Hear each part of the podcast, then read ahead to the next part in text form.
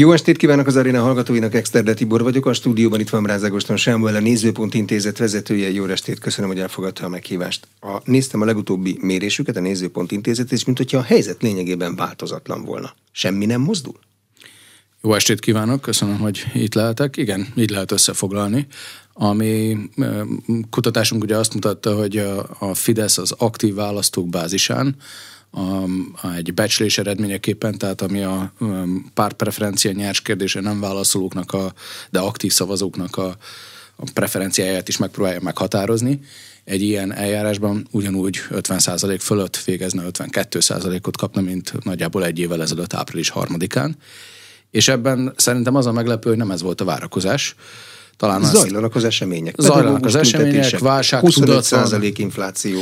Válság tudat van a választópolgárok jelentős részének a mindennapjaiban. A, a hangulat, a gazdasági hangulat világszerte rossz, az infláció magas, ami mindenkinek az életére hatással van, és ebből a tankönyv szerint egy hatalmon lévő politikai erőnek kára származhatna, de nem ezt látjuk, mi azt látjuk egyértelműen, hogy a Fidesznek a reális esélye megvan a 22. április harmadikai eredmény ismétlésére, és Orbán Viktor népszerűsége töretlen. Egy korábbi közleményünkben szerepelt, hogyha megversenyeztetjük egymással a miniszterelnök jelölte személyeket, akkor Orbán Viktorra közvetlenül is 49 százalék szavazna Dobrev Klárával, Donát Annával és a többiekkel szemben egy versenyben, ami elbizakodottságra nem ad okot, de egy kényelmes, megnyugtató többséget jelent a Fidesz számára, és egy ismétlési esélyt. Miért nem működik a tankönyvi példa? Nem a kormány nyakába varják az Európában negyedik legrosszabb inflációt? Igen, így lehet összefoglalni, hogy nem a kormányt teszik felelőssé, hanem az a értelmezés, amit a, a kormány a, a társadalom számára egyszerű és bonyolult üzenetekkel is megpróbál közérthetővé tenni, és pedig, hogy a szankciók állnak a magas infláció mögött, a magas energiárak mindenre kihatással vannak a közlekedés, a szállítmányozás és a gyártás költségeinek megemelkedése miatt. Ez szerintem működött abban az értelemben, hogy a, a felelősséget sikerült távol tartani a kormánytól, és ezért sokkal inkább a külső hatásokra, elsősorban az Európai Unió döntéseire mérges az átlagválasztó. Ez nem azt jelenti, hogy a baloldali érzelmi választók megszerették volna Orbán Viktor, tehát nincsen etéren történelmi fordulat, a sokkal fontosabb kérdés politikailag az, hogy a, az egykor a Fidesznek bizalmat szavazók, azok kitartottak el mellette, és erre azt lehet mondani, hogy alapvetően ez a helyzet. Nem végzi el az ellenzék a munkáját? Nem mutatja fel minden nap, hogy az európai inflációs adatok, ha már szankció van, akkor hogy lehet, hogy Németországban csak 8% Hát őket is sújtja. Sok közleményt lehet látni az ellenzéktől, de a, a munka lényege nem ez volna, hanem sokkal inkább egy stratégiai válasznak a kidolgozása, ami tartalmazza azt, hogy ők jobban csinálnák ezt. Ők ki tudnák védeni a külső hatásokat, az ő esetükben egy határozott, egységes, döntésképes és az átlag választópolgár mindennapjait megkönnyítő döntéseket hozni képes kabinet lenne az ország élén. Ezt nem hiszik el a mai ellenzékről, ami ismerve az állapotát, talán fogunk még beszélni a belső feszültségeiről a baloldali ellenzéknek. Érthető, hogy a legelkötelezettebb támogatóikon kívül senki nem hiszi ezt el róluk. De vannak még olyanok, hogy ellenzéki elkötelezett támogatók, vagy egyes ellenzéki pártoknak vannak már csak elkötelezett támogatói különböző számban? Korábban a 22-es választás előtt pont azt mondtuk, hogy megszűnt a, az ellenzéki pártok támogatottsága, és egy ellenzéki szavazó létezik, aki bármilyen pártra leszavaz. Ez biztosan, ez az identitás, vagy ez az egységesülő identitás, ez 22. április 3-án komoly pofont kapott hiszen azóta az ellenzéki politikusok is arról beszélnek, hogy az összefogás nem biztos, hogy jó volt, nem biztos, hogy megismételnék. Már az előválasztás se, amiről nagyon sok tömén füstöt kellett az embernek elemzőként is végigélnie 21 késő nyarán, kora őszén, hogy milyen fantasztikus dolog. Most kiderül az ellenzéki politikusok értelmezése szerint, hogy tévút volt, és nem szabadna megismételni. Tehát az ellenzéki választó szerintem egy ilyen identitászavaros állapotban van, de ez nem jelenti azt, hogy egy új választás esetén, amikor megfogalmazza majd a baloldali ellenzék a kínálatát, akkor ragaszkodna egyik vagy másik párthoz. az ellenzéki választó, ez a nagyjából a egyharmada az aktív választóknak, rá fog szavazni egyik vagy másik pártra, az lesz a fő kérdés, hogy ki a legnagyobb ellenzéke a kormány oldalnak. Azt lehet most látni, hogy az identitászavaros ellenzéki szavazó éppen hova tart? Ilyenkor most ő az, aki nem támogatja egyik ellenzéki pártot se? A, a nyers adatok, ugye úgy készül a közvéleménykutatás, hogy megkérdezzük, hogy melyik pártra szavazna, és erre nem mindenki mondja el a preferenciáját, de különféle segédkérdésekkel megpróbáljuk meghatározni a első körben nem válaszolóknak is a, az identitását. A, ilyenkor mégis szavazna, akkor, akkor hova szavazna? szavazna? Sokfajta statisztikai és segédkérdéssel előállított modell létezik erre, ami most nem merüljünk el. A lényeg az az, hogy valóban az a helyzet, hogy az ellenzéki választó az össze-vissza szavaz, nem találta meg egyelőre azt a csomósodási pontot, amit az ellenzék fő erejének tart. De ettől függetlenül az ellenzéki piacon zajlik egy nagy átrendeződés. A demokratikus koalíció szerintem magához képest köszöni szépen jól teljesít, egy év után növekedett a támogatottsága, az egyetlen cselekvő erőnek tűnik az ellenzéki oldalon, tehát a, a kínálat az szerveződik, a kereslet még bizonytalan, de a demokratikus koalíció ezt a maga szempontjából jól teszi, hiszen majd csak 24 májusában eh, kell a kínálatnak és a keresletnek összeérnie, akkor lesz csak választás. Mi számít a DK szempontjából olyan aktivitásnak, ami a szavazót odavonza? Az, hogy árnyék kormányt csinált? Az, hogy Dobrev Klára folyamatosan járja az országot? Az, hogy megváltoztatták a kommunikációjuk stílusát? Ezek mind nélkülözhetetlenek. Szerintem önmagukban egyik lépés, vagy önmagában egyik lépés sem tekinthető sikertörténetnek. Lakossági fórumokat tartani, ott talán az volna inkább a kérdés, hogy miért is ne. Az árnyék kormány az inkább egy területfoglalásnak tűnik elemzői szemmel nem az árnyék kormány önmagában látható tevékenysége fontos, hanem hogy ők voltak, akik az árnyék kormányt megalapították, és ezért, ha még valakinek eszébe jutna egy árnyék kormány megalapítása, az már csak másod, másodjára érkezne meg erre a területre. De ez Am- dolog lenne egy második ellenzéki árnyék kormány csinálni? Nem, nem, nem lenne észszerű, éppen ezért, a, a, azért a, azt próbáltam mondani, hogy, hogy ne, kizárták, hogy más is megcsinálja. Ő magában nem túl aktív és nem túl látható, pláne az átlagválasztó számára, hogy mi is ez az árnyék kormány, de van. Um, én szerintem ami zajlik, az a kínálati oldalnak a monopolizálása, lépésről lépésre, tehát ezek nem feltétlenül politikai innovatív eszközök és hatalmas újdonság, amit a demokratikus koalíció felmutat, hanem a hatalom technikának a professzionális használata. Ugye nem múlik el hét, hogy ne jelenteni be a demokratikus koalíció, hogy egy újabb és újabb önkormányzati képviselő, parlamenti képviselő csatlakozik hozzá, és ez a politikai osztályban azt a képet erősíti meg a demokratikus koalícióról, hogy ez a csomósodási pont, ez lesz a domináns ereje az ellenzéknek a jövőbe talán ezt igazolják vissza a, a közvéleménykutatásokban a enyhe növekedés is, amit láttunk a demokratikus koalíció esetében. Tehát a kínálati oldalnak a monopolizálása az szerintem egy év távlatában elmondható, hogy a demokratikus koalíció szempontjából jól halad. De többet hoz ez a konyhára nekik, mint amennyit visz? Varga Ferencnél megkapták a Jobbiktól, hogy Varga Ferenc megélhetési politikus. Rácné Földi Juditnál a Momentumot rántották magukra. Túl kicsik a DK-hoz képest? Ezek túl kicsi pártok, és ezek szerintem a keserű reakcióknak tűnnek. A lényeges üzenet az az, hogy a demokratikus koalíció növekszik, és minden ellenzéki pártból el tud csenni, át tud csábítani politikusokat. Így, ha 24 májusa felől, vagy aztán majd 26 áprilisa felől nézzük a, az eseményeket, akkor azt látjuk, hogy Gyurcsány Ferenc lesz a legfontosabb tényező az ellenzéki oldalon, az ő pártja fogja a, dominálni ezt az oldalt, nem lesz egyedül, tehát a monopolizálni még nem fogja tudni, csak halad a monopólium felé, de ő lesz a, nagyjából most úgy tűnik, hogy a, a, az ellenzéki tábornak legalább a fele, és az összes többi az kicsi néhány százalékos pártként felkéreckedik majd a listájára.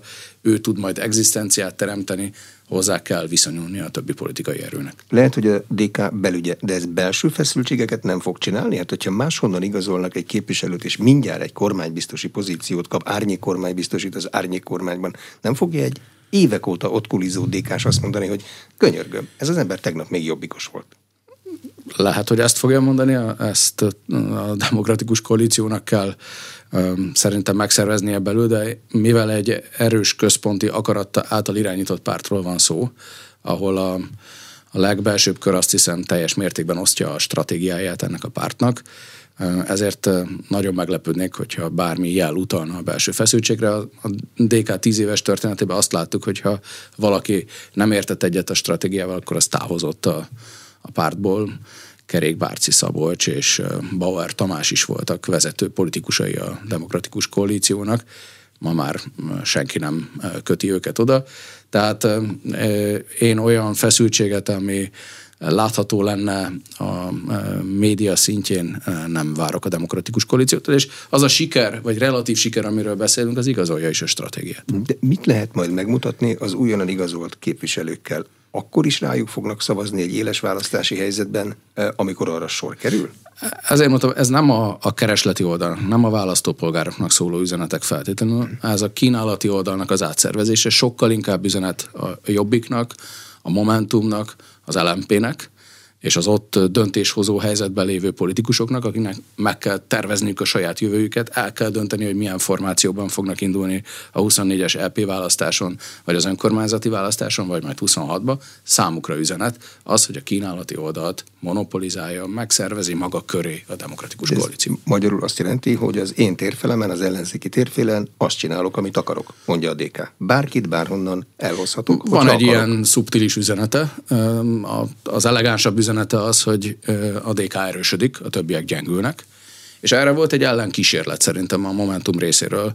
Donát Anna meglepően gyors visszahívásában. Ugye nem telt el csak néhány hónap, hogy hivatalosan nem ő volt a, Momentumnak az elnöke, és észszerű a, a előzetes nem tudom, timing vagy időzítés alapján talán az lett volna, hogyha Donát Anna majd a 24-es LP választás előtt közvetlenül annak kampányába jelentkezik be, és ünnepli meg a visszatérését.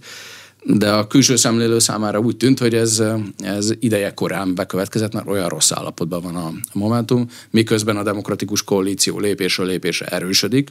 Ez a szimbolikája is, és ezt igazolják a kutatási eredmények is. Addig a Momentum gyenge maradt, pedig mindenki azt várta, hogy a két polusú a baloldal az úgy fog kinézni, hogy van egy erős DK, meg egy erős gyűjtőpártként működő Momentum. Ez a Momentum nem tudja teljesíteni ezt a funkciót, ezért a politikai sztárt Donát Annát visszahívták, aki ugyan megtartotta nagy beszédét, talán még számos ponton az országban láthatóak is a plakátai, de nem tudott fordulatot elhozni a Momentumba, legalábbis egy hónap Utána azt lehet állítani, hogy a Momentum népszerűségében semmi változás nem látható. Mi volna a logikája Donát Anna visszatérésének? Ugye nem országgyűlési képviselő a mi parlamentünkben, európai parlamenti képviselő, hosszú ideig nem volt aktív, nem is lehetett aktív a politikában. Tehát mi a logika, ami alapján azt mondta, hogy politikai sztár? Mitől? A Momentumhoz közel álló közvéleménykutatók megmérték, hogy Donát Anna a legnépszerűbb politikus az ellenzéki térfélen, az ellenzéki politikusok között, ezért megpróbálták a, az ő népszerűségét a párt népszerűségévé transformálni. Vélhetően ez történt. Gelencsér Ferenc pártának ugye talán nem túlzás azt állítani, hogy nem egy igazán sikeres pártának, és maga is ugye a, a intézményes működésének az elején bejelentette, hogy nem kíván egyébként második ciklust betölteni, tehát egy átmeneti pártánokról van szó, és Donát Annával próbálták megmenteni a relatíve zsugorodó momentumot, a DK növekedése mellett relatíve zsugorodó momentumot, de ezt már nagyon sokszor megtapasztaltuk a magyar politika történetben, hogy a személyes népszerűség nem transformálható olyan könnyen át egy-egy pártnak a, az országos támogatottságával. Dávid Ibolya például erről sokat tudnott volna mesélni. De technikái azért vannak, el kell mennie Donát Annának is úgy tájolni, mint ahogy most Dobrev Klára csinálja hosszú hónapok óta? Tehát ez a módszer? Ez lehet egyik módszer, de ez sem automatikus siker. Tehát egy fecske nem csinál nyarat, és egy népszerű politikus nem tudja megmenteni a, a pártját, mert egy, egy politikai közösségnek az irányítás az azt jelenti, hogy nagyon sokfajta kérdésre választ kell adni. Szervezeti kérdésekre, programkérdésekre, a kormánypárthoz fűződő és az ellenzéki pártokhoz fűződő viszonyra választ kellene adni a Donátonának, Én azt láttam az ő beszédében február elején, hogy egy dologra vigyázott, hogy Gyurcsány Ferenc nevét ne ejtse ki a beszédében, és nehogy úgy tűnjön az ő visszatérési kísérlete, mint hogyha Gyurcsány Ferencre adott reakció, vagy a demokratikus koalíció erősödésére adott reakció lenne. Valójában ez volt, és azáltal, hogy nem mondott semmit arról, ami a, talán a legfontosabb üzenet lett volna, mert magát nem Gyurcsány Ferenchez akarta mérni, ezáltal unalomba fulladt az esemény, és ezért sem volt igazi megújító ereje ennek a visszatérési kísérletnek, mert a legfontosabb kérdésben, abban a stratégiai kérdésben, hogy mi a viszonya a Momentumnak a demokratikus koalícióhoz, ebben nem tudtunk meg semmit. Miért nem használják az egyébként országszerte pártoktól függetlenül zajló eseményeket? Tanártüntetések, hosszú éve tartanak. Legújabb a Magyar Orvosi Kamara ügye. Mintha egyik párt sem próbálna ebből pénzt csinálni. Ezek a szervezetek is ugye kérik mindig hivatalosan az ellenzéki pártok távolmaradását. Mm, biztosan van egy, egy talán nem tudás azt állítani, egy intellektuális probléma is az ellenzéknél, hogy április harmadikai pofon után van egy tanástalanság, hogy egyáltalán hogyan is lehet legyőzni, felülkerekedni a Orbán Viktor kormányán és kormánypártján, és ez a tapogatózás, már mindent kipróbáltunk, eddig semmi nem működött érzet, ez biztosan hatással van a, a, az ellenzéki pártok működésében, és egész biztosan az is szerepet játszik, ahogy mondtam, hogy ezek a szervezetek még mielőtt az ellenzéki politikusoknak eszébe jutna, elhatárolódnak tőlük. Mhm. Az egy domináns pártformációt ellenzéki oldalon még nem próbálták ki, mondják a DK-ban. Csak ez az egy marad? Most ez tűnik ö, reálisnak. Pár hónappal ezelőtt, amíg a Momentumnak volt arra komoly lehetősége és esélye, hogy a, nevezzük úgy, hogy a bal liberális oldalból a liberálisabb térfélnek a gyűjtőpártjává válik. Míg a demokratikus koalíció tudatosan a baloldali gyűjtőpárt próbál lenni, és valami fajta egyensúly alakuljon ki a két csomósodási pont között, addig úgy tűnt, hogy, hogy egy kétszereplős modell felé tart a, a baloldal, de most az elmúlt hetek Momentum számára eredménytelenül eltelő elmúlt hetek után azt lehet mondani, hogy reálisabb a demokratikus koalíciónak a domináns szerepe. Hmm. Hol tartanak a pártok az úgynevezett értelmiségi holdudvarok kialakításával ahhoz, hogy ideológiát akarnak közvetíteni, ahhoz ezek az emberek, mint közvetítők kellenek. Megvannak? A DK-nál, ugye ők beálltak, amikor a DK árnyék kormányt alakított, ők ott vannak, a többieknél vannak? Van egy-kettő név, akit ezekhez a pártokhoz lehet kötni, de szerintem egyik esetben sem működik ez még hibátlanul, tehát az üzenet is hiányzik, amit továbbítani tudnának, még hogyha van is egy-két ember, aki szívesen felvállalja ezeknek az üzeneteknek a közvetítését. Üzleti támogatók, a szabad pénzügyi világból támogatók, tehát úgy értem, hogy aki vállalkozó, és azt mondja, hogy én ezzel értek egyet. Voltak a, a, az ellenzéki összefogás idején, voltak nagyon fontos magyar vállalkozók. Azt hogy... Szerintem a, az időzítésben még nem tartunk itt. Mm, ezek választása előtti mm, döntések, amikor akár értelmiségi holdudvar, akár vállalkozói körből látványosabb a támogatás. És bizony egy olyan helyzetben, amikor a külföldi támogatás érkezik egy más szinten és volumenben, mint amit egy-egy vállalkozó mondjuk beruház a politikai, a számára szimpatikus politikai szereplőbe, akkor nem is biztos, hogy jó befektetés ez, ez a vállalkozónak. Ugye a 4 milliárd forinttal szemben szerintem nagyon kevés magyar vállalkozó tud versenyezni, mint politikai befektető. Ennek a 4 milliárd forintnak a modelljét, ezt ön átlátja? Van egy ilyen elképzelés, hogy ezt azért Márkizai Péter kapta, és nem valamelyik párt, mert ezt csak civil szervezetnek lehetett odaadni, és ez a lényegi magyarázata Karácsony Gergely visszalépésének, mert ő párt. A nyilvánosságra hozott titkosszolgálati jelentéseket természetesen próbálta az ember értelmezni. Igen, azt hiszem röviden így lehet összefoglalni, hogy azok, akik kitalálták ezt a modellt, a betűjére figyeltek a magyar kampányfinanszírozási törvényeknek, ami azt mondja, hogy pártokat nem lehet külföldről támogatni a kampányban, jelölt állító szervezeteket, de a jelölt állító szervezetek környékén lévő úgynevezett idézőjelben civil szervezeteket, azt betű szerint nem tilt a kampányfinanszírozási törvény, vagy legalábbis vitatható, hogy mi az, ami ide vagy oda tartozik, és ezért találták ki ezt a modellt, hogy ilyen civil ernyőszervezetek kapják ezt a pénzt, ami egyébként elvezet oda, hogy érdemes a újra gondolni mindenfajta politikai érdektől függetlenül, ha azt az alapelvet rögzítjük, és ezt a rendszerváltozás óta Magyarországon is, és egyébként Európa minden országában rögzítették, hogy külföldről nem lehet egy választási kampányban, ami a szuverén népa, népakarat kinyilvánításának a pillanata, nem lehet külföldről beavatkozni és támogatással, támogatóként megjelenni. Ha ezt az elvet mindenki elfogadja, akkor érdemes ezeket a szabályokat a modern világhoz szabva újra gondolni, adott esetben szigorítani és kiterjeszteni olyan szervezetekre is a külföldi támogatás tilalmát, amelyek aktívan részt vesznek a kampányban, de nem számítanak előtállító hmm. szervezetnek. A belföldi támogatásokat ezzel párhuzamosan újra kell gondolni, mert ugye mindenkori kormány lényegesen nagyobb anyagi erejével a nekik tetsző civil szervezeteken keresztül támogathatja különböző áttéteken saját politikai céljait.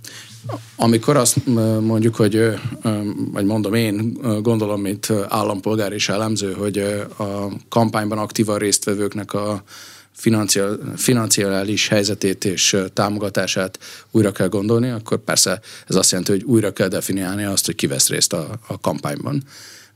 De a tilalom az szigorúan a külföldi támogatásra vonatkozik, ami alapelve a, a, a mindenkori kampánynak. Az összes többi esetben a transzparencia fontos, illetve az elkölthető összegeknek a, a maximalizálása ezek az alapelvei a magyar állami kampányfinanszírozási Tudjam, rendszernek. hogy megmozdulást ki, kinek a pénzéből szervez. És onnan kezdve világos, hogy kinek az érdekében dolgozik. Igen, és ez illetve, elég, mert ez az átláthatóság. Ez az átláthatóság, illetve fontos, hogy egy bizonyos összeghatár fölött senkinek kölcsön a választási kampányra, mert akkor meg ugye az a feltételezés, hogy pénzzel mindent meg lehet vásárolni. A fiatalok pártpreferenciái változnak? Vagy nagyjából ugyanazok is, mint a többieké? Um, a, vannak olyan közvéleménykutatók, akik szerintem egy ezerfős mintából messze menő következtetéseket vonnak le, hogy a, abban a mintába tartozó 15-20 százaléknyi fiatalnak mi Kétfarkú, a, meg a mi hazánk. párt preferenciája. Én ettől óvnék, hogy egy, egy kutatásnak az almintájából nagyon messze menő következtetéseket vonjunk le. De az tény, hogy a, a Fidesznek a támogatottsági súlypontja az az idősebb korosztályban van. Mennyire idős korosztályban van? Egyáltalán számít-e, hogy mennyire idős korosztály, amikor az ember az élete utolsó pillanatáig szavazhat? Ez így van, és tapasztalt emberként lehet, hogy nem is elhamarkodott döntést hoz, hanem már látott sok mindent, és ezért megfontolja a döntését. Szerintem nincs különbség ilyen értelemben, érték szempontjából idős és fiatal szavazó között természetesen. A más típusú rétegekről van szó a, egy olyan néppárt számára, mint amilyen a Fidesz, az viszont egy fontos stratégiai érdek, hogy minden társadalmi osztályban, csoportban, millióben legyenek támogatói. Tehát nem szerencsés az a Fidesz szempontjából, ha kizárólag idősek szavaznak rá, de ez nem is a helyzet, mert jelenleg is vannak fiatal támogatói, sőt azt lehet mondani, hogy a 30 éves korosztályban a, a mi mérésünk szerint a legnagyobb támogatottsága még mindig a Fidesznek van, ez nagyjából a társadalomnak az egyharmada, vagy a fiataloknak az egyharmada. Ha összeadjuk a nem Fidesz szavazókat, akkor ebből következően többen vannak, mint a Fidesz szavazók. És ugye minél idősebbek a, az emberek, annál inkább fideszesek, ez ebből lesz az az előbb említett 50% körüli össz felnőtt társadalmi érték, amit említettem, és ami megfelel a 22-es eredménynek. A korcsoportok politikai aktivitását azt nem választás előtt lehet valahogy mérni? Ezt ki lehet tapogatni, hogy milyen korcsoportok mennyire kötődnek, mennyire figyelik, mennyire élnek benne a politikába? Az egész részvételi mérés az mindig egy nagyon nehéz dolog, mert ugye kicsit leegyszerűsítve ott azt kérdezi meg a közvéleménykutató, hogy ön jó állampolgár-e, el fog-e menni szavazni. Kimondja, azoktól, azoktól kérdezi meg, akik hajlandóak egyáltalán egy politikai közvéleménykutatóval szóba állni. Tehát itt ez minden, már kettő szűrő. Ez már kettő szűrő, és ezt mindig ilyen óvatosnak kell lenni. Általában az a tapasztalat, hogy a, a közvéleménykutatások egy picit magasabbra mérik a részvételi hajlandóságot, mint a valóság. pont ebből kifolyólag, hogy nem mindenkinek van ugyanakkor esélye bekerülni ebbe a, a mintába. Tehát egy szó mint száz megbízhatóan nem lehet mérni a részvételi hajlandóságot, és az a helyzet, hogy bármilyen adat is születik, abból nem következik, hogy majd egy választási szituációban ennyien fognak elmenni szavazni, mert egy kampány az utolsó pillanatban érő hatások igenis befolyásolni tudják ezt. Az ellenzéki pártok mostani viszonyából lehet arra következtetést levonni, hogy milyen konstrukcióban mennek neki a következő főpolgármester választásra? Mm, azt lehet látni, hogy a demokratikus koalíció megkerülhetetlen lesz ebben a helyzetben. Továbbá azt lehet látni, hogy elhangzott, hogy előválasztásra nem fog sor kerülni, a mostani tudásunk szerint. Ugye még van egy bő év ennek az eldöntésére, de ez a valószínű és azt lehet látni, hogy Karácsony Gergely mit javasol. Ő azt mondja, hogy pártoktól függetlenül ilyen politizáló civil szervezetek formájában kellene az önkormányzati választáson az ellenzéknek egyesíteni a, az erejét. Tehát ezek a kínálatok vannak az asztalon, azt nem tudjuk még egyelőre, hogy az egyre dominánsabb pozícióba kerülő demokratikus koalíció milyen stratégiát javasol. Azt hiszem, hogy ez része az ő eljárásuknak, hogy lebegtetik ezt a kérdést egyelőre, és amikor megkérdezik Gyurcsány Ferencet arról, hogy Karácsony Gergelyt ugyan támogatná a polgármester jelöltnek, akkor kitérő választad, és megadja a módját, úgymond. Szerintem az egész 23-as évvel fog eltelni, hogy megváratja Karácsony Gergelyt, hogy ő mit is akar, és ezzel is azt üzeni, hogy nélküle erről a kérdésről döntés nem születhet. Kinek van erősebb pozíciója? Karácsony Gergely egy inkumbens főpolgármester, közvetlenül választják. Ha ő indulna, akkor esélye is volna arra, hogy ezt a választást megnyerje. Ugye nem tudjuk, hogy ki lenne a kormány oldalról a kihívója, tehát ez egyelőre egy elméleti kérdés, de biztos, hogy nem esélytelen. Viszont, viszont az a helyzet, hogyha lesz más kihívója, vagy több baloldali induló is van a főpolgármester jelölti versenyben, ők mind Karácsony Gergelytől vehetnek el szavazatokat, és ezért egyáltalán nem érezheti magát biztos pozícióba. Mm, sokáig úgy tűnt, hogy a demokratikus koalíció elsősorban arra koncentrál, hogy a polgármesterek ügyében tudjon jó számára előnyös dílt kötni, és Karácsony Gergely akár meg is maradhat ebben a pozícióban, hiszen a fővárosi közgyűlésben a polgármestereké a a döntő szó. Akinek több polgármestere van, az történik. Van ott kompenzációs lista, és ugye 33 fős a fővárosi közgyűlés, de 23 eh, taggal 33-ból az polgármester, és a polgármesterek jelölése kapcsán akár a a kényelmes többséget is elérhetné egy baloldali eh, győzelmi széria esetén a, a demokratikus koalíció, onnantól kezdve pedig kényelmesen tudná irányítani Karácsony Gergelyt. De ahogy mondom, a most úgy tűnik, hogy a demokratikus koalíció nem fog gyorsan dönteni, az egész 23-as évet fel tudja arra használni, hogy halogassa ezt a döntést, és azzal is eldőljön az, hogy a DK tovább erősödve még nagyobb beleszólással rendelkezik, még később tud megszületni a majdani kompromisszum a különféle jelöltekről, akár polgármesteri, akár főpolgármesteri székekről. Abban volna logika, hogy az addigra feltehetően még többet országot járó Dobrev Klára azt mondja a célegyenesben, hogy ő főpolgármester akar lenni? Vagy egy árnyék miniszterelnök az már csak a miniszterelnökségre törhet?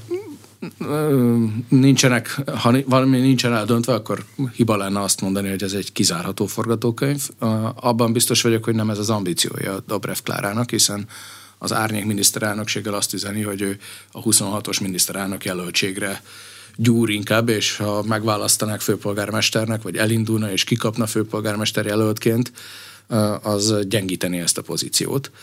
Ettől még azt azért mondtam, hogy kizárni nem lehet ezt, mert a 23-as év ez hosszú, és hogyha a demokratikus koalíciónak időt kell húznia, akkor ennek a gondolatnak a lebegtetése, akár erre az időhúzásra fontos eszköz is lehet. Más pártoknak a DK-n és a párbeszéde, vagy Karácsony Gergelyen kívül van ebbe beleszólása az ellenzéki oldalon?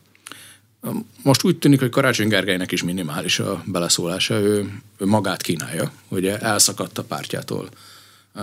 Nem lett ez szerintem kellőképpen feldolgozva, de a 22-es választás után az összes ellenzéki pártban, a DK-t kivéve vezetőváltás következett be és Karácsony Gergely lemondott a párbeszéd társelnökségéről, és azóta a pártok fölött lebegő szereplőként próbálja magát eh, beállítani. Ő azt tudja mondani, hogy van egy közvéleménykutatások által mért népszerűsége, ami ugye egy olyan népszerűség, hogy versenytárs nélküli népszerűség, inkább azt tükrözi, hogy a, a baloldali szavazók a Budapesten hajlandóak lennének Karácsony Gergelyre szavazni, és nem azt, hogy csak és kizárólag Karácsony Gergelyre szavazhatnának.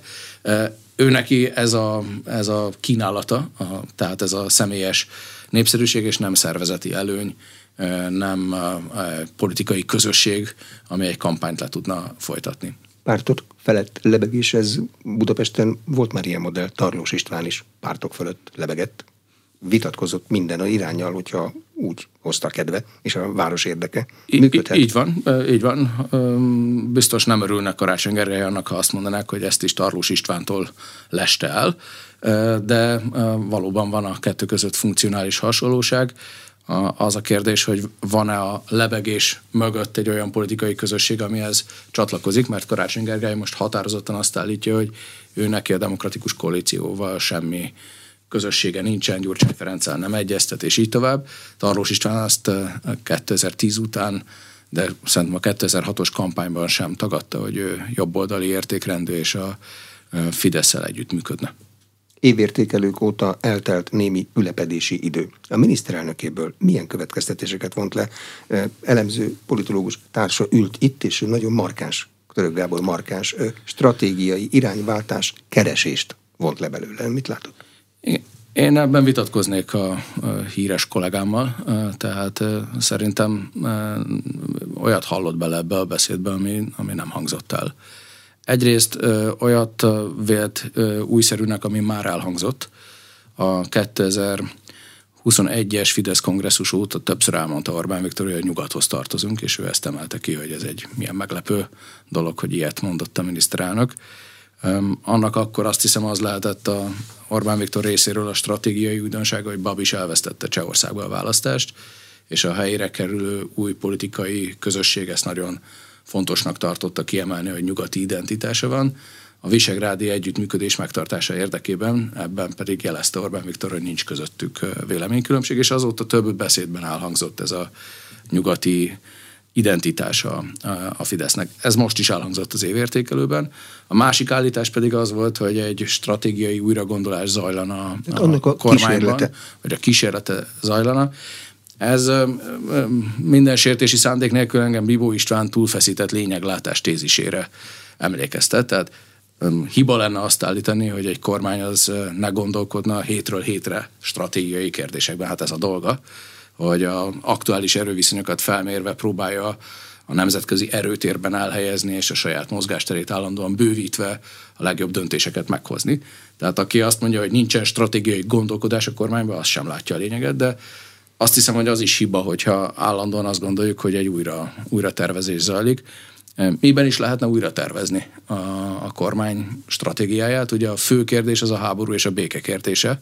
Ebben én nem látok semmilyen újra tervezést és hogyha Török Gábor olvasná a Nézőpont Intézet közleményeit, akkor láthatná, hogy megmértük, hogy a magyarok 78%-a békepárti.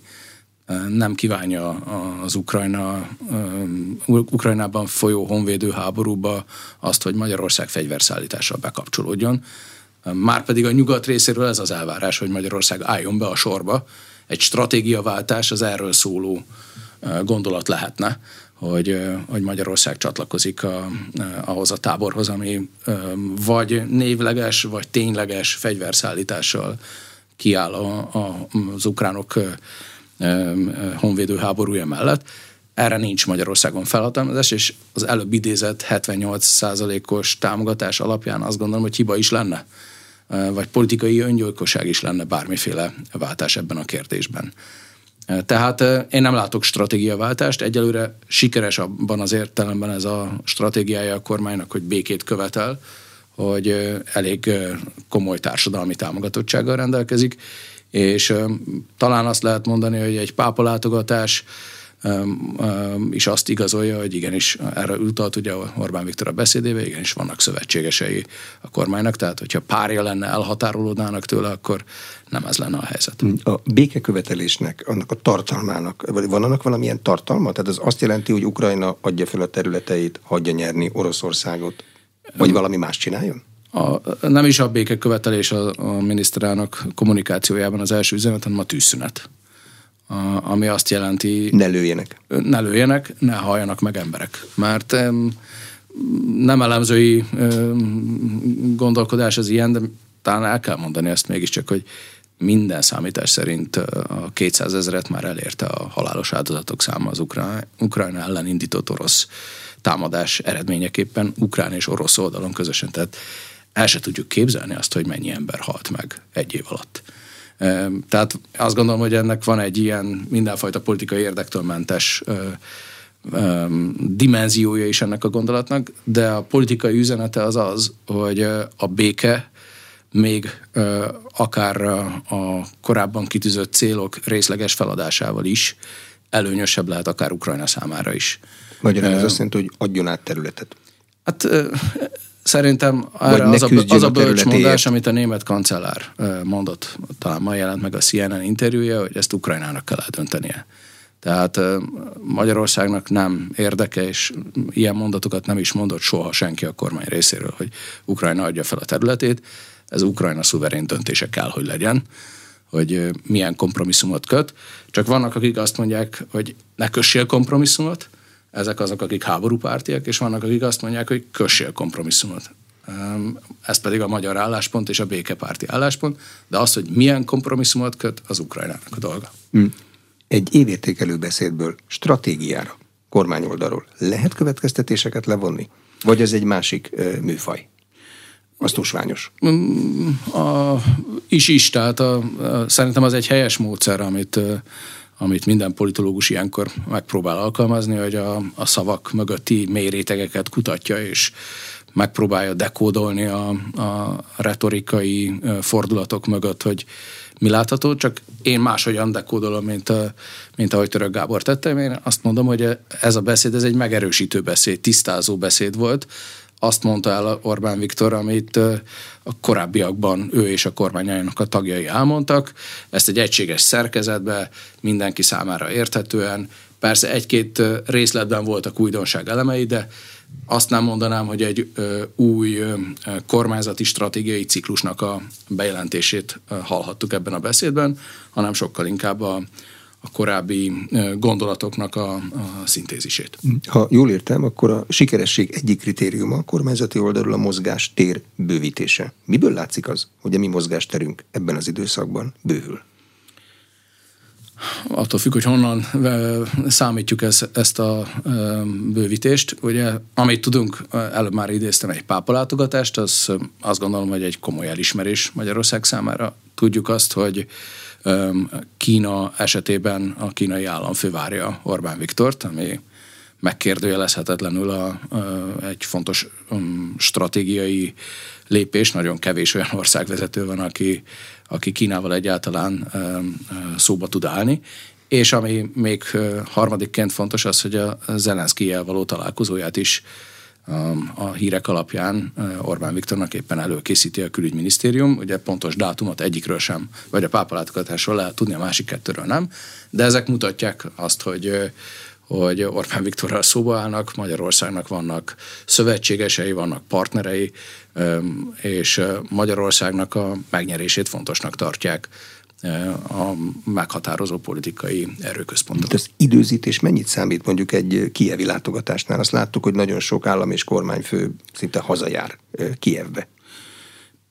Igen. Az amerikai elnök is volt Majd egyszer biztos megírják azt a könyvet, hogy a fényképek elkészülése után még egyesek mennyit tartózkodnak ott a, a kiebbe, vagy nem csak a fényképek ezt jönnek el, de, de, de a politika így működik, tehát ezt, ezt el kell fogadni.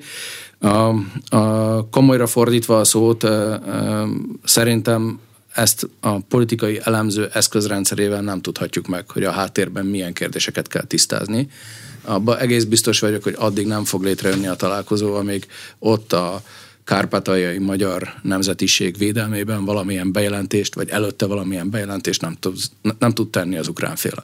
Ugye olyan találkozónak, ami egy fényképről szól, magyar részről semmi értelme nincsen, akkor látom ennek a reális esélyét, hogyha az évek óta tartó elhidegülésben, abban, hogy, hogy Ukrajna ezer okból kifolyólag a magyar nemzetiségnek nem a jogait védi, hanem inkább csorbította az elmúlt években, hogyha ebben valami változást sikerülne elérni, akkor lenne időszerű ez a találkozó. De hogy ez két hét múlva van, vagy fél év múlva, azt szerintem nem lehet a nyilvános információkból megtudni. De a logikája akkor az, hogy valami eredményt kell hozni. Így van. Nem úgy, mint mondjuk mikor Grósz Károly elment Nikola Ceausescuhoz annak ideje. hát erős, erős a példa, de igen, azt hiszem se Grósz Károly, se Ceausescu nem állja meg a helyét ebben az esetben. Jó, de ott nem hozott eredményt Grósz Károly, ez egy nagy leégés volt. Tehát ilyet nem lehet csinálni. Ilyet az nem lehet úgy csinálni. Úgy, úgy jöjjön haza és mindenki, a... hogy azt tudja mondani az otthoniaknak, hogy ezért volt értelme. Így, így van, ezt akartam mondani. A, az biztos, hogy a magyar közvélemény az nem várja el, hogy egy közös fényképe legyen Orbán Viktornak Zelenszkivel, hanem azt várja el, hogy ha támogatja is Ukrajnát, egyébként Magyarország támogatja ezt, szerintem kevesen tudják, de humanitárius és gazdasági eszközökkel is támogatja Ukrajnát. Ha támogatja Ukrajnát, akkor azért legalább egy ukrán elismerést haza tudja hozni, aminek a a szép szavak mellett a kisebbségvédelemmel lehet megnyilvánulása. Egyébként nagyon érdekes, hogy ez, ez nem egy magyar ügy kizárólag. Nagyon érdekes folyamat az, hogy Románia hasonlóan arra kéri az ukrán vezetést, hogy a román kisebbség ukrajnai jogait védelmeze jobban, és a kisebbségi jogokat csorbító törvényeket vizsgálják felül, pedig Romániát igazán nem arról ismerjük, hogy élesen kritizálná az amerikai érdekeket. Olaf Scholz Kína után az amerikai elnökkel költött el egy munkanapot. Mi a a német politika iránya most. A CNN tudósításából az derült ki, hogy kölcsönösen megköszönték egymásnak például azt, hogy Olaf Scholz feladta a hagyományos pacifista német álláspontot. Ez az irány? Hát a messziről nézve úgy tűnik, hogy az az irány, hogy Németország Amerikával koalícióban gondolkodik Ukrajnáról, és elfogadja azt a szerepet, hogy elsőként Németországnak kell újabb és újabb fegyvereket szállítani Ukrajnába, és utána következik Amerika. Ugye ez a tankok kapcsán volt egy nagyon látványos és elgondolkodtató fejlemény, hogy Amerika megígérte, hogy szállít Abrams tankokat, Németországnak cserébe be kellett jelentenie, hogy Leopard tankokat szállít, majd Amerika azt mondta, hogy mégsem szállít tankokat. Tehát itt egy, egy nagyon érdekes, valószínűleg komoly dinamikával rendelkező, rendszeresen változó helyzetet eredményező német-amerikai együttműködés van Ukrajna kapcsán. Hm? Mi lehet a célja? Az amerikaiak kiszervezik Németországot, mint a helyi erős állam? Rendfenntartónak? Hát az nem hasonlítható a kettő össze. Valahol az az amerikai stratégiai érdek, hogy Európa kölcsön többet fegyverekre, és ebben ugye Németország a, legrosszabb tanuló az elmúlt évtizedekben. Németország nem költött csak a GDP 1%-a környékén a, a hadiiparára és a, a saját hadseregére. Egy ilyen fegyverszállításba való bekapcsolódás az egy stratégiai fordulatot eredményez a, a német gondolkodásban. Ugye ezt a szót manapság sokat használjuk, hogy stratégia, de hát tényleg teljesen új helyzetek vannak ország és világszerte. Senki nem gondolta volna Angela Merkel Németországáról azt, hogy egyik napról a másikra mm, a duplájára emelik, és 100 milliárd euróval kiegészítik a, a honvédelmi költségvetésüket. Ez az amerikai érdek, hogy Európa vegyen amerikai fegyvereket is, meg egyáltalán kölcsön többet a hadiiparára, és legyen egy erős hadserege. De ha Németország, amelyik a legerősebb Európában fordul, akkor mindenki abba az irányba fordul? Mindenki elkezd fegyverkezni, többet költeni erre? Németországtól függetlenül is elindult egy ilyen folyamat, de az biztos, hogy Németország az egy viszonyítási pont a többi európai ország számára. Akár szeretettel gondolnak rá, akár kritikával, olaszok, franciák, lengyelek, de viszonyítási pont Németország. Milyen választások lesznek a környékünkön, ami itt a mi belpolitikánkban hatást gyakorol? A szlovákokat folyamatosan nézzük, de ott nagyon bonyolult a helyzet, ott nap mint nap változik. Lengyeleknél is, cseheknél is. Igen, szerintem két kérdést el kell különíteni. Az egyik kérdés az az Európában várható összes választás.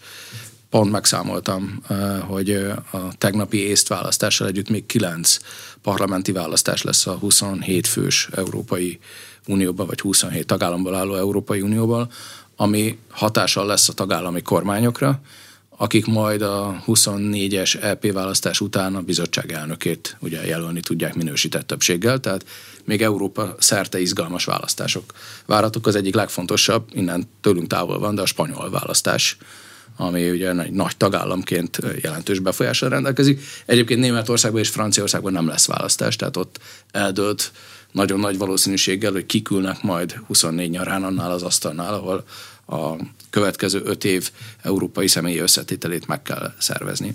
Közép-Európában, ami közvetlen közelünkben a leges-leges legfontosabb választás a lengyel választás, ennek európai dimenzióban is fontos, de Magyarország szempontjából különösen ez október közepe és november közepe között lesz valamikor. Korábban lehetett arra számítani, hogy akár előre hozott választás is lehet. Szerintem, mivel már bőfél év múlva várható a választás, ennek nincsen nagy jelentősége, ősszel várható. És ugyanúgy ez már be lett jelentve, szeptember 30-án ősszel lesz a szlovák választás. Lesz még Bulgáriában, most április elején, egy héttel később Görögországban választás. Tehát, ahogy mondtam, még sok kisebb tagállamban is lesz választás, de a kontinensre és az Európai Unió politikai döntéshozatalára nagy jelentőséggel szerintem a spanyol és a lengyel választás hmm. lesz. A lengyel választást azt az ukrán háborúhoz, meg az oroszokhoz való viszony fogja befolyásolni, vagy más is ezen kívül? Má, más is, mert az Ukrajna melletti kiállásban az összes politikai erő egyetért. Egyetlen egy olyan párt van, a konfederáció, ami talán egy kicsit reálpolitikusabb, de ő sem kritizálja Ukrajnát, csak a többiekhez képest tűnik annak. Ebben a kérdésben nagyon nem is lehet ezért politikai polarizációt végrehajtani. A jelenlegi lengyel vezetés ezért inkább a Németországhoz és ezáltal az Európai Unióhoz fűződő viszonyt szeretné a kampány fő témájává tenni.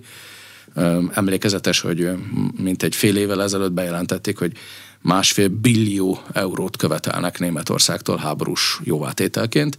Ez ugye az az összeg, amit valószínűleg nem fog kifizetni Németország a választási kampány alatt, tehát jó eséllyel ez egy állandó témájává tud válni a, a lengyel kormánypártnak, és azért jó politikai téma, mert a, a túloldal, a liberális baloldali pártok nem valószínű, hogy ebben a kérdésben egyetértenének a PISZ-el, tehát ez egy polarizáló téma.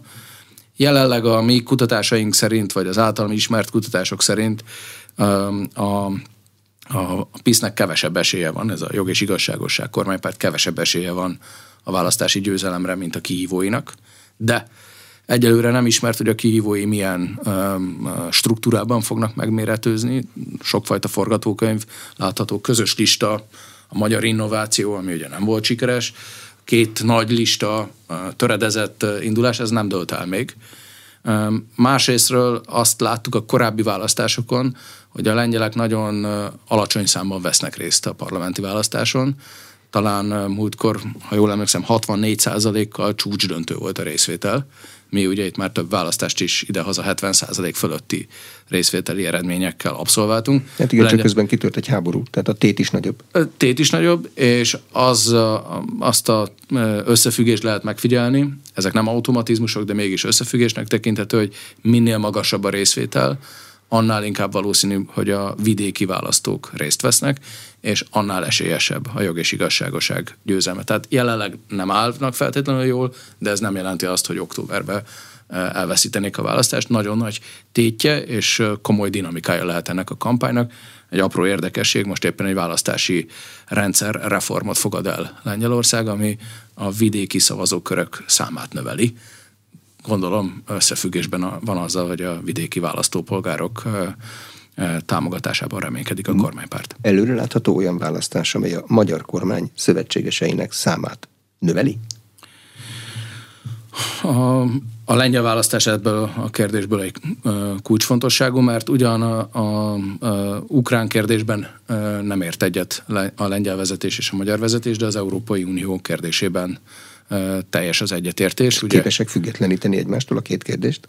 Én azt hiszem, igen, hiszen a háború kitörése óta egyértelmű a véleménykülönbség az ukrán kérdésben, de ennek ellenére a kezdeti heteknek a turbulenciája után az európai szintéren megindult az egyeztetés a magyar kormány és a lengyel kormány között, tehát igen, elválasztható a két dosszié, és a, a szlovák választás is ebből a szempontból szerintem fontos, hiszen Szlovákiában az a helyzet, hogy a köztársasági elnök az, az inkább egy liberális politikus, a jelenlegi kormányról már nagyon nehéz megmondani, hogy milyen, de lehet a köztársasági elnökhöz közelibb utód kormánya, és lehet egy a korábbi kormányfő Ficó által vezetett, befolyásolt, az ő utódja Pellegrini által vezetett, befolyásolt kormánykoalíció is, ami a, a nyilatkozatok alapján úgy tűnik, hogy sokkal közelebb áll a magyar állásponthoz háború kérdésében is. Köszönöm szépen az elmúlt egy órában. Rázágoston Sámol, a Nézőpont Intézet vezetője volt az aréna vendége. A műsor elkészítésében Módos Márton főszerkesztő vett részt. A beszélgetést az Inforádió YouTube csatornáján is figyelemmel kísérletik, és az infostart.hu oldalon is. Köszönöm a figyelmet, Exterde Tibor vagyok.